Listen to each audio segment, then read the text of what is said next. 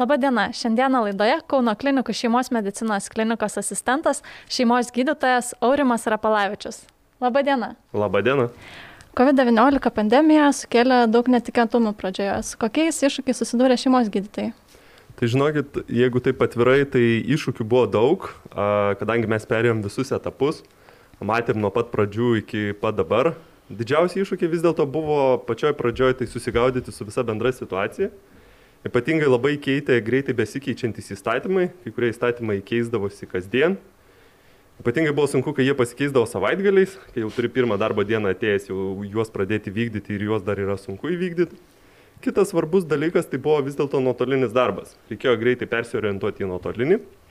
Žinoma, mums šeimos gydytojams buvo kiek lengviau, nes jeigu taip atvirai, mes nuotolinės tokias telefoninės konsultacijas jau anksčiau vykdydom. Jie buvo tokia pilka zona, Jie kaip ir legalūs, kaip ir ne, dar tiksliai vyko tik jų įteisinimas, bet mes jau jas daug metų vykdydom, dėl to mums buvo šiek tiek lengviau negu gydytojams specialistams. Bet vis dėlto mes buvom įpratę tik labai specifinius dalykus tai daryti, tai yra ten vaistus pratesti ar kažkokį tyrimą paskirti. Žinoma, viso gydimo, viso, visos anamnezės rinkimo, ištyrimo galimybių tikrai to neturėjom ir vis dėlto tai buvo irgi didžiulis iššūkis ypatingai vyresnės kartos mūsų gydytojams. Trečias dalykas, tai kas labai pasimatė ir kas davė daug iššūkių, tai buvo pas pandemijos valdymas. Iš tikrųjų, labai daug dalykų buvo ant mūsų nukrauta. Tai tiek ir nedarbingumų rašymas, tiek izolacijos metu, tiek ir sergančių žmonių, vaikų, kurie neįdavo į mokyklas ar darželius, jų tėvam išdavimas. Kitas dalykas pats sėkimas, kad būtų teisingai suvestos diagnozės, kad žmonės būtų apskaityti, kurie susirgo, kurie turėjo kontaktą, kurie kada pasveiko tas viskas dar iki šiol galioja ir tai iš tikrųjų yra didžiulis e, stabdis, dėl ko iš tikrųjų daug pacientų susidarydavo didelės eilės, daug pacientų iš tikrųjų per dieną reikėdavo konsultuoti ir ne visi jie iš tikrųjų būdavo medicininiais tikslais, tai daugiau buvo tokie administracinės konsultacijos. Žinoma, kitas dalykas, kuris iš pat pradžių buvo m, labai pro, propaguojamas, tai buvo gydytojo ir gydytojo konsultacijos A, bet dėja jos taip ir iš esmės jos popieriuje egzistuoja, bet gyvai nevyksta, vien tik todėl, kad mums kultūriškai taip susiformavo, kad tai yra nepopuliarios konsultacijos, nes vis dėlto pas mus medicinoje dažniau pacientas eina pas gydytoją ir jis tikisi iš jo konsultacijos, iš jo ištyrimo, o tokio, kur gydytojas pasitarė su kitu gydytoju dėl kažkokios problemos, neegzistuodavo. Ir tai būdavo labai keista tiek patiems gydytojams, ypatingai konsultantam, tiek ir patiems pacientams, nes jiems atrodydavo, kaip čia gali konsultuoti be manęs. Tai va, tas buvo iš tikrųjų didelis iššūkis ir uh, užtruko ilgai, kol pacientam išaiškinom, kas tai yra ir vis dėlto, nes ypatingai vyresnio amžiaus pacientai labai jausdavosi, kad uh, jie yra nelaukiami pas gydytoją ir kad jų tiesiog nereikia. Tai tokios buvo iš tikrųjų pagrindiniai iššūkiai ir su kuriais susidurėm, kai kurie iš jų yra išlikę iki šiol, Tai yra tiek tos nuotolinės konsultacijos, tiek besikeičiantys įstatymai, pandemijos valdymas. Bet džiaugiamės, kad vis dėlto einam po truputį į priekį, po truputį samoningėjom patys, suprantam, kaip kas, kiek galim padaryti nuotoliniu būdu, kiek ne. Ir žinoma, mūsų pacientai. Ir kaip atrodo tos nuotolinės konsultacijos, kokius pacientus konsultuoja dažniau? Dabar dažniausiai nuotoliniu būdu e, konsultuojam tuos pacientus, e, kurie turi arba kaip sakant, tokias nemedicininiais tikslais konsultuojam, tai yra reikia išrašyti vaistus arba kažkokią pažymą. Taip pat e, kar, labai populiarėja, tai yra e, vienos konsultacijos principas, kai nuotolinės konsultacijos metu mes sutarėm kažkokį ištyrimo planą, tai yra laboratorinius tyrimus, radiologinius tyrimus. O tada jau suplanavus tiesioginę, kontaktinę konsultaciją, pacientas ateina jau su tyrimais padarytais su viskuo ir tuo metu mes jau nusprendžiam, ką su juo reikia atlikti. Ir kita grupė, žinoma, vis dar išlieka karščiuojantis pacientai. Tai nėra taip, kad mes jų visiškai nepriemam. Tiesiog dažniausiai karščiuojantis pacientai, mes su jais pirmiausia e, konsultuojamės nuotoliniu būdu. Bandom išsiaiškinti, kiek tai galėtų būti COVID, kiek ne. Ir jeigu kyla bent menkiausias įtarimas, pirmiausia, mes tokius nukreipiam atlikti COVID tepinėlį. Žinoma, kiekviena šeimos klinika turi šiek tiek skirtingą to prieimą. Pavyzdžiui, mūsų Kauno klinikų šeimos klinikoje mes turim tiesioginį prieimą prie tų tepinėlių, tai yra mes galime tiesiog pas save nusisiųsti, kad jį paimtų. Kitos klinikos siunčia į patikros punktus, kur tai atlieka, bet iš pat pradžių pandemijos pradžioje, kai ypatingai trūko tų testų, tai buvo didžiulė problema. Dabar, kai jau didėja ir tų testų prieinamumas ir yra įvairesnių būdų. Galima ne tik e, pagaro tyrimą atlikti, bet galima ir greito antigeno testą atlikti ir kitų. Tai, tai viską pagreitina ir dažniausiai, jeigu gaunam neigiamą atsakymą, mes su tuo pacientą pasikviečiam tiesioginiai konsultacijai. Mhm. O kaip yra su COVID pacientais? Vis tiek turbūt pirmieji juos pamatėte, kuo jie skundžiasi, kuo, kuo yra ypatingi? Tai pandemijos pradžioje tikrai labai daug užgriuvo tų, taip pats pasakykim, COVID pacientų. Buvo labai sunku iš pat pradžių diferencijuoti, kas yra tas COVID. -as. Buvo labai mažai žinių, labai greitai reikėjo persiorientuoti, e, kaip tokius pacientus gydyti. A, nuo pradžios iki dabar galim pastebėti tam tikrą pokytį, tai iš pat pradžių buvo tokie ryškesni virusiniai infekcijai būdingi požymiai, ryškesni karščiavimai, galvos skausmai, raumenų skausmai, didesnis bendras silpnumas. Eigoje pastebėjome, kad e, tie simptomai tokie labai ryškus, su, tarkim, net ir kvepamo nepakankamais, jų, jų tokių atvejų rėtėja. Vis daugiau nustatoma pacientam, kurie iš vis neturi jokių skundų, arba tie skundai yra labai lengvi. Tai yra nedidelė temperatūra iki kokių 37,5, nedidelis bendras silpnumas galvos, skausmas, tokie bendriniai virusiniai bet kuriai infekcijai būdingi požymiai. Tai vad, eigoje mes tą pastebėjom ir iš tikrųjų, jeigu kalbant apie bendrai COVID situaciją iš pirminės grandies e, požiūrio, tai pastebėjome, kad e, dabar e, labai sumažėjo kiekis. Žinoma, ta trečioji banga, jinai taip po biški leidžiasi ir valstybės mastu matoma, bet ir mes patys matom, jeigu, tarkim, gruodžio, sausio mėnesiais kas savaitę turėdom apie 15-20 pacientų, aš bent jau savo apylinkiai, tai dabar per savaitę turiu apie vieną, nu, jeigu jau ten blogesnė, kaip aš vadinu savaitę, tai tris. Mhm. Ir tai iš tikrųjų didžioji dauguma tų pacientų, gal net sakyčiau, absoliuti dauguma, buvo vis dėlto neskiepyti pacientai. Dėl įvairių priežasčių, tiek ar per jaunas amžius, ar vis dėlto atsisakė skiepyti. O tas kintantis, kintantis simptomai, kažin, yra daugiau susijęs su na, skirtingais genetiniais variantais viruso ar paciento amžiumi, vis tiek amžius turbūt buvo irgi kintantis. Taip, ar gretutinės lygos? Su gretutiniam lygom tikrai turėjom pacientus, kurie sunkiau sirgo, tą pastebėjom, tą, tą jau buvo nuo pat pandemijos pradžios propaguojama ir sakoma, kad vis dėlto greičiausiai tie, kurie turi lėtinių lygų, ypatingai tų tokių kaip arterinė hipertenzija, išėminė širdies lyga, cukrinis diabetas ar kvepavimo ten takų lygos kaip lėtinio obstrukcinio plaučių lyga ar astma. Jie tikrai sirgo sunkiau, bet turėjom vis dėlto ir jaunų žmonių, ypatingai va dabar trečios pandemijos eigoje. Pastebėjom, kad jauni žmonės, kurie yra visiškai fiziškai stiprus, lėtinių lygų neturintys, jie sirgo labai sunkiai. Ir Žinoma, tai dažniausiai bandoma uh, surišti su tam tikrom variacijom pačio viruso ir mutacijom, kadangi mes tokių dalykų ištirti neturim, vis dėlto tai yra tyriama daugiau uh, statistikos duomenimis arba tolimesnio plitimo modeliavimo uh, srityse, bet iš tų pacientų, kuriems, taip, kabutėse, pasisekė, kad jiems ištirtų uh, tą serotipą, Tai tikrai iš tikrųjų pastaruoju metu labai pastebim to britiško varianto vadinamo. Tikrai man pasitaikė ir braziliškas vienas variantas. Tai va. O kuris sunkiau, kuris ne, tai labai sunku vertinti, kai imtis yra keli tik pacientai. Ir kaip atrodo vat, šeimos gydytojo pusės tas paciento sergančio COVID infekcija gydimas namuose? Kaip konsultuojat, kaip prižiūrit, kaip gydot? Žinoma, pagrindinis vis dėlto konsultacijos būdas yra nuotolinis. Šito nereikia slėpti. Tikrai didžioji dauguma tokių pacientų visą sirgymo laiką taip gydyto ir nepamato. Bet e, galim sakyti, iš to, ką pastebėjom, jiems daugumai ir nereikia.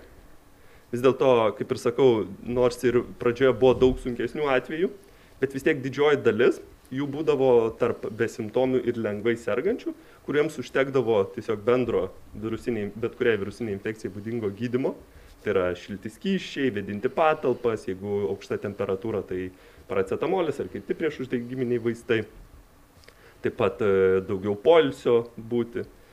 Kas kito skiriasi nuo kitų virusinių e, infekcinių lygų, tai buvo, mes juos nuolatinai monitoravom, bent jau aš savo apylinkiai, tai tikrai kiekvieną savo darbo dieną paskambindavau, paklausdavau, kaip jie jaučiasi, kaip kitos simptomai.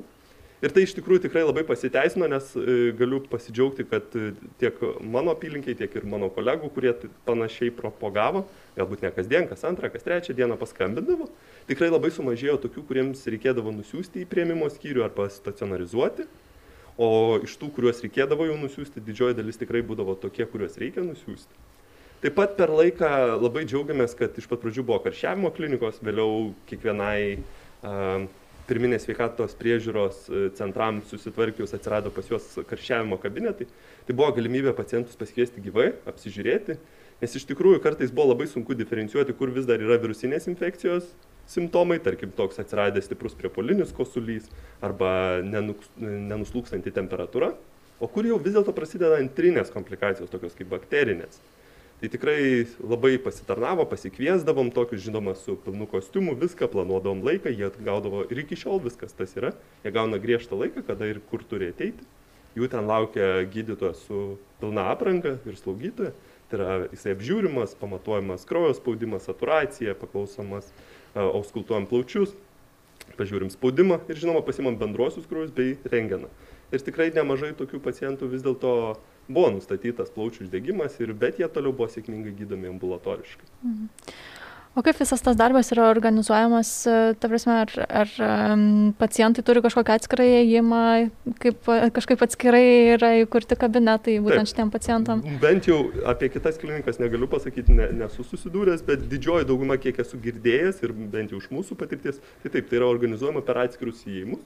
Mūsų klinikoje, kadangi mes esam senesniam e, pastate, yra keli pagrindiniai įimai, tai bent jau mes bazuojamės prie, per buvusi vadinamąjį skubios pagalbos įėjimą, jisai labai gerai tuom, kad ten jis neturi bendro įimo su visų pagrindiniu srautu, kurie įeina į kliniką.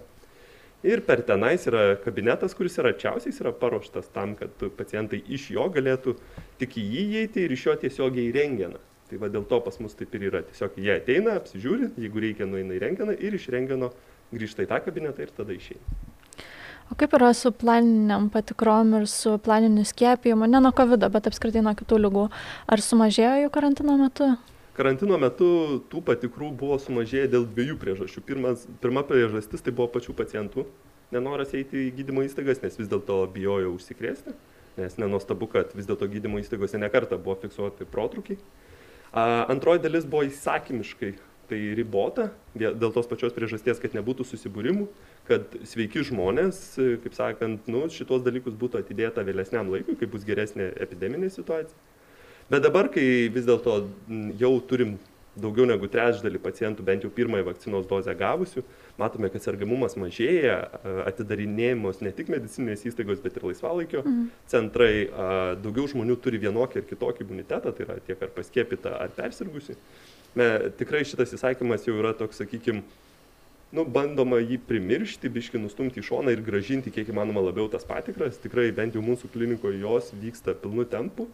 Tiek ir mažus vaikus tikrinam E, kuriuos reikia stebėti jų raidą ar vakcinuoti, tiek ir paauglius prieš mokyklą, tiek ir e, suaugusių žmonės, tiek dėl širdies ir kraujagyslių lygų programos, tiek dėl onkologinių lygų, tokių kaip gimdos kaklelio, krūtų ar prostatos, tiesiosios žarnos. Tai viskas tas vyksta.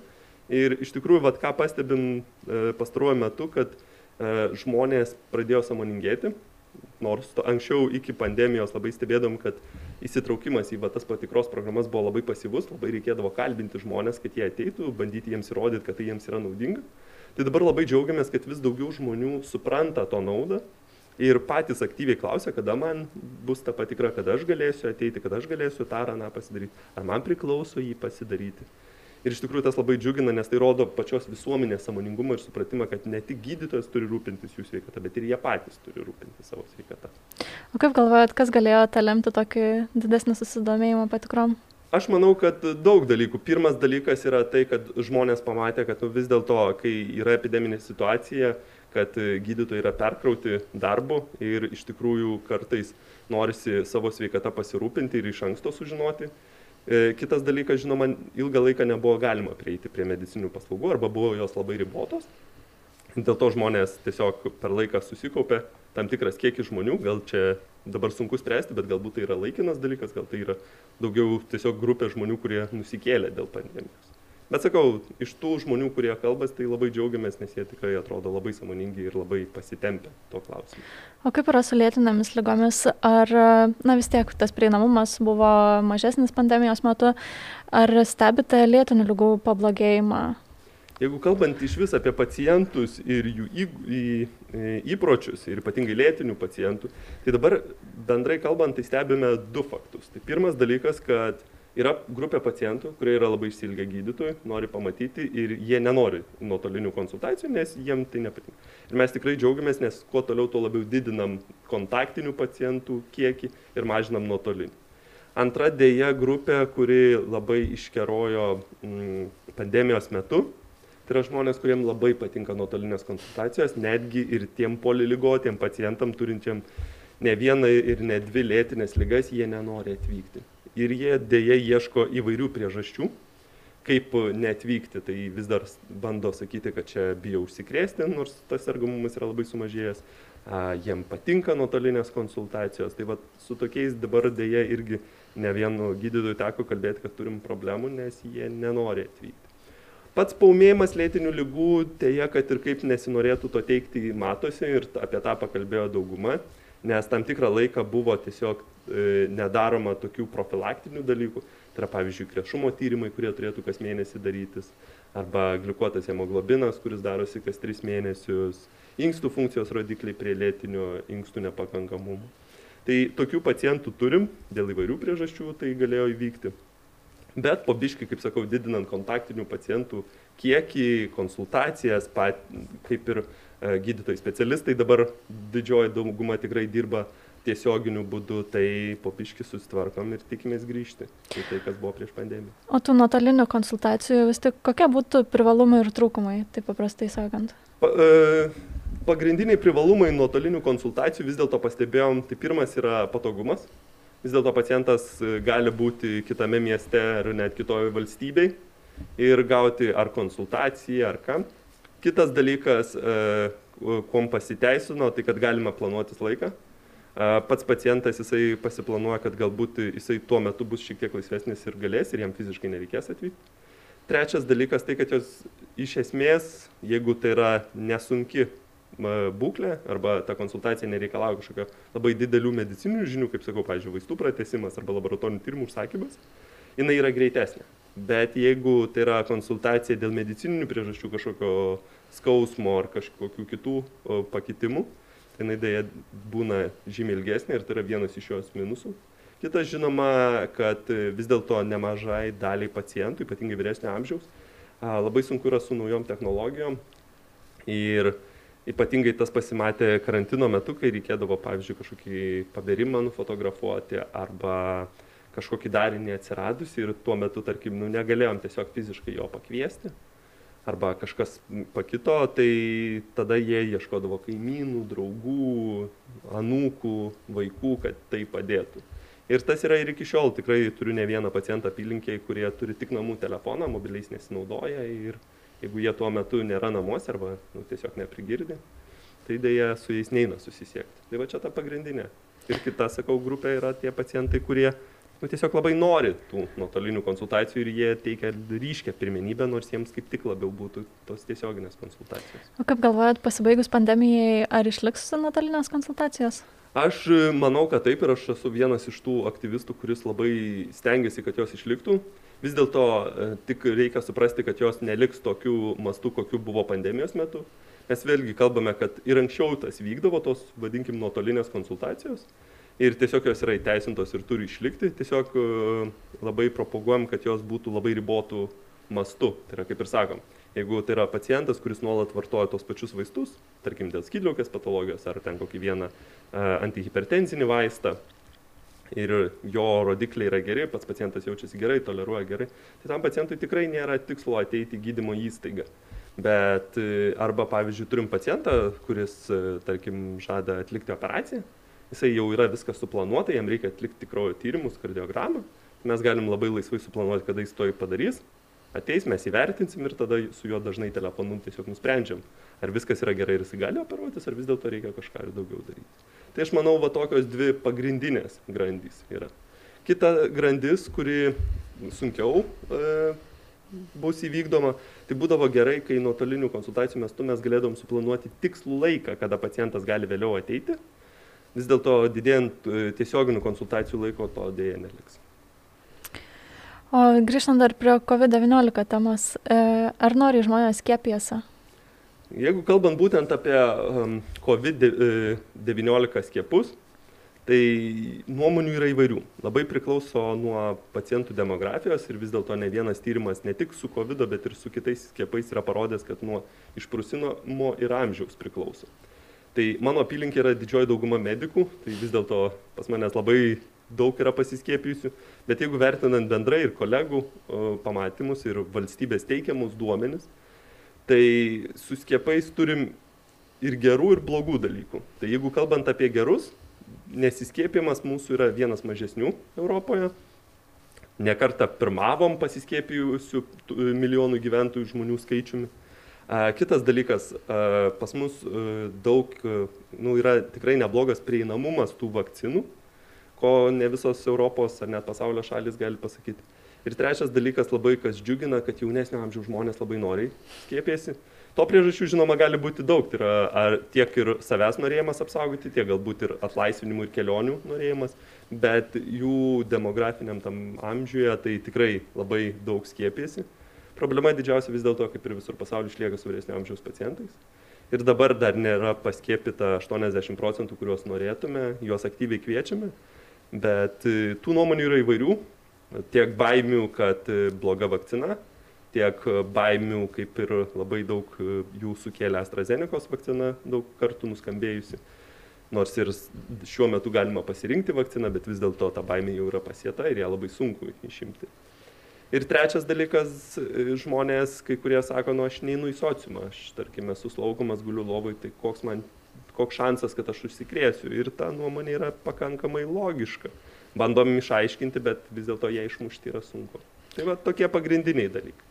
Ar skambina patys pacientai pasitarti su šeimos gydytoju, ar turėčiau skiepytis, ar, na, mano, nežinau, ten būklė, gretutinės lygos, ar dar kažkas leidžia man skiepytis?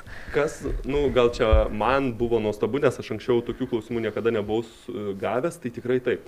Ir jų buvo labai nemažai.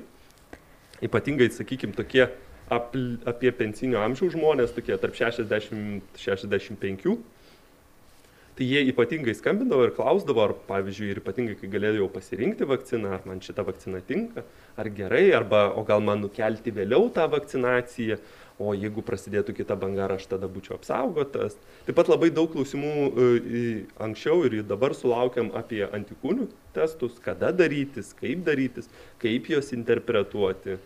Tai va, tai tikrai labai džiugiuosi, nes tai parodė, kad vis dėlto šeimos gydytojų jie pasitikė, jie nori su jais pasitarti. Ne vienas pacientas būdavo, kad a, paskambina kaip antros nuomonės, jau jie iš tikrųjų būna pasitarę tiek, tarkim, su onkologu arba kokiu nefrologu.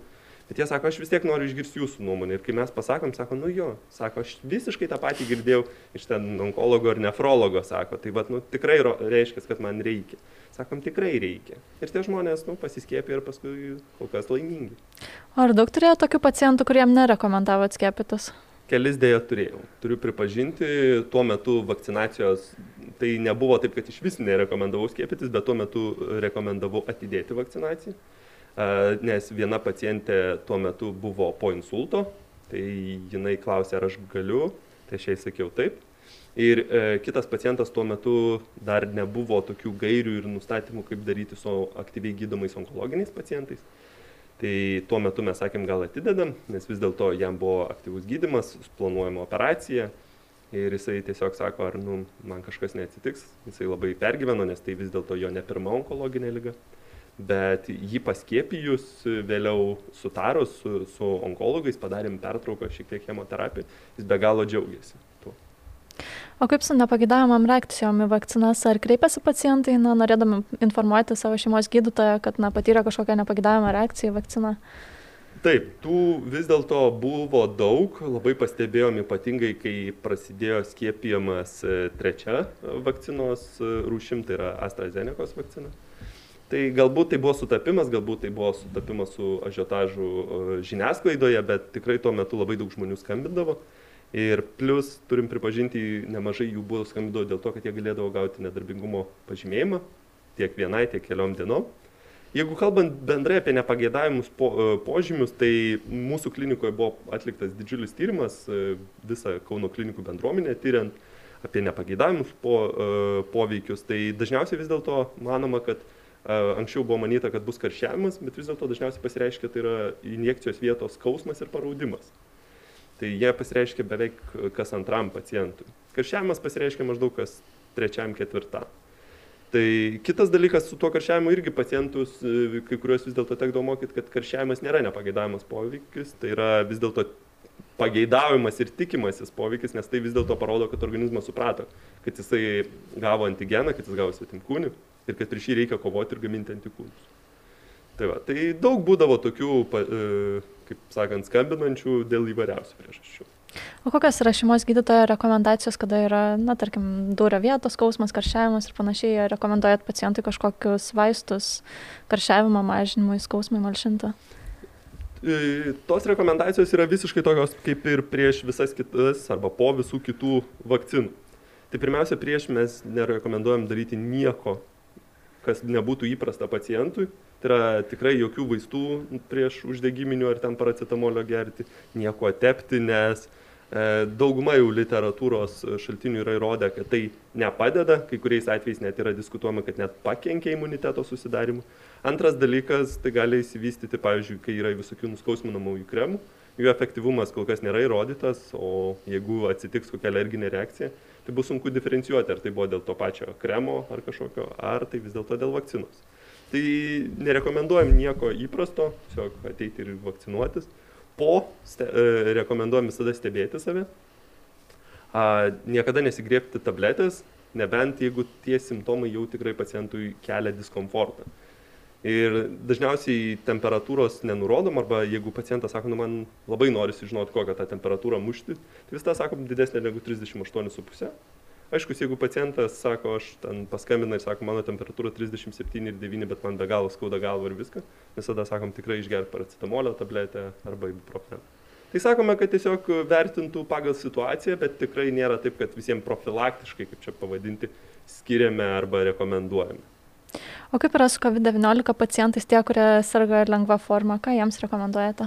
Tai tas COVID gydimas dažniausiai, kaip ir sakiau, atsiriamė į bazinius virusinės infekcijos gydimo uh, algoritmus. Dažniausiai, ką rekomenduojam, tai tokio specifinio, tai yra savizolacija. Pirmiausia, šitas pacientams vis dėlto ne visiems yra lengvai įgyvendinama. Dėl įvairiausių priežasčių, kai kurie dėl to, kad sako, nu aš turiu mažą vaiką, kaip man atsiskirti nuo jo kiti sako, mes gyvenam vieno kambario būte, nu, tai sako, mes neturim kur. Tai, va, e, tai čia pirmas dalykas. Antras, vedinti patalpas. Trečias, šilti skyšiai. Toliau, o viskas kitkas pagal simptomus. Jeigu labai bėga nosis, dekongestantų trumpa dozė, jeigu aukšta temperatūra, kuris sukelia galvos skausmus, raumenų skausmus, paracetamolis, ibuprofenas. Tai žiūrim taip kaip sakant, pusiau kūrybiškai pagal pacientą ir pagal simptomą. O šeimos medicinos praktikoje ar matote pacientų, kurie patiria pokovidinį sindromą? Taip, tikrai net ir mano pačio, pačio apylinkiai vis dėlto pasitaikė tokių pacientų ir kas labiausiai įdomu ir apie ką pasaulis vis toliau kalba, kad vis dėlto tai nekoreliuoja su pačia lygos eiga. Turiu ne vieną pacientą, kuris sako labai keista, sako labai lengvai prasirgau, beveik nieko nejaučiu bet iki šiol išlieka simptomai. Ir pagrindiniai simptomai, kuriuos pastebim, tai yra užsitęsęs e, bendras silpnumas, fizinio krūvio netoleravimas, kas anksčiau pacientams nebuvo būdinga. Turiu, pavyzdžiui, vieną pacientę, kuri, jai sako, iki autobuso stotelės reikia eiti apie kilometrą, anksčiau jokių problemų nebūdavo, dabar sako, reikia ir stoti kelis kartus. Nes tiesiog sako, nu nebeturiu jėgų nueiti. Taip pat e, miego sutrikimai, atminties sutrikimai, žinoma ir tie pradžioje COVID kalbėti simptomai užsitęsęs uoslės ar skonio sutrikimas. Ir ką padaryt tokiam pacientam, ar yra kažkoks, nežinau, specifinis gydimas ar galbūt rehabilitacijos priemonės, kas galėtų padėti? Tai būtent dėl gydimo kažkokio specifinio nėra. E, visada žiūrime pagal pacientą ir jo situaciją. Jeigu yra tai pacientas su gretutiniam lėtiniam lygom, tai vis dėlto tada jau žiūrime, kad e, vis dėlto gali būti tų lygų paumėjimas, tiesiog slepiasi po tuo. Taip pat visiems jiems e, rekomenduojame tiesiog griname ore būti, daugiau kvepavimo pratimų daryti. Rehabilitacija jiems priklauso, bet tokia paprasta, kaip ir po visų lygų. Jeigu kalbant apie specifinę, yra tokia, bet ją labai sunku gauti. Džiaugiamės, kad valstybė po truputį įsiklauso ir vis labiau sumažina pribojimus jai. Bet vis dėlto tai bendrai atsimuša į tai, kad tai turi būti pacientai sirgę COVID infekciją, turėjo plaučių uždegimą ir gydyti stacionare. Ir tokių dėje nebuvo daug ir dėl to ta ilgesnė reabilitacija jiems mažai kam ir priklauso. Taip pat e, kitas dalykas, ką visa, visiems rekomenduojam, tai yra fizinio krūvio ir tolerancijos didimas, tai yra lengva mankšta ryte, per pietus, vakare, kada tik pacientas gali. Ir visada aktyviai stebim tokius pacientus. Jeigu yra kažkokie labai ryškus simptomai, kaip pavyzdžiui, tos pacientės atveju, kuri nu, atsirado labai sunku nueiti tą kilometrą jai, tai tada tikrai nedvėjodami, tyriam, žiūrim, siunčiam pas specialistus. Bet jeigu yra tokie bendriniai simptomai, kaip sakau, didelis bendras silpnumas, tokie sunkiai pačiupinėjami simptomai, tai juos dažnai aktyviai stebim ir žiūrim, kaip eigoje. Didžioji dauguma labai džiaugiuosi, kad e, sveiksta, ne taip greitai, kaip jie norėtų, bet jie visi patvirtina, kad taip gerėja. Ir kiek laiko maždaug gali užtrukti tas pakovidinis sindromas? Tai tas pokovidinis sindromas iš vis yra traktuojamas kaip e, šešios, kai, kurio, kai kurios literatūros atvejais 12 e, savaičių po persirtos COVID infekcijos. Ir jisai yra skirstomas į tokias dvi didelės grupės. Tai yra aktyvus, kai tie simptomai daugumai išliks. Tai yra iki šešių mėnesių. Virš šešių jau daugiau yra tas lėtinis, užsitęsęs pokovidinis sindromas. Ir tenais duomenų kol kas labai mažai, yra duomenų, kad dėja tie simptomai gali išlikti ir visą gyvenimą nepakitę. Tai pagal tai ir sprendžiam, kaip ir sakiau. Ko palinkėtumėte žiūrovams? Tai žiūrovams pirmiausia, tai kaip ir visada visiems pacientams sakau ir artimiesiems, tai palinkėčiau skiepytis. E, kaip matome, tiek ir Izraelio pavyzdys, tiek Amerikos pavyzdys, kitų šalių, kurios aktyviai skiepėsi pavyzdys, kad e, COVID infekcijos atveju mažėja jeigu ir suserga pasiskiepijusi, nes taip vis dėlto išlieka tokia tikimybė, jie dažniausiai serga besimptomę formą arba labai lengva forma.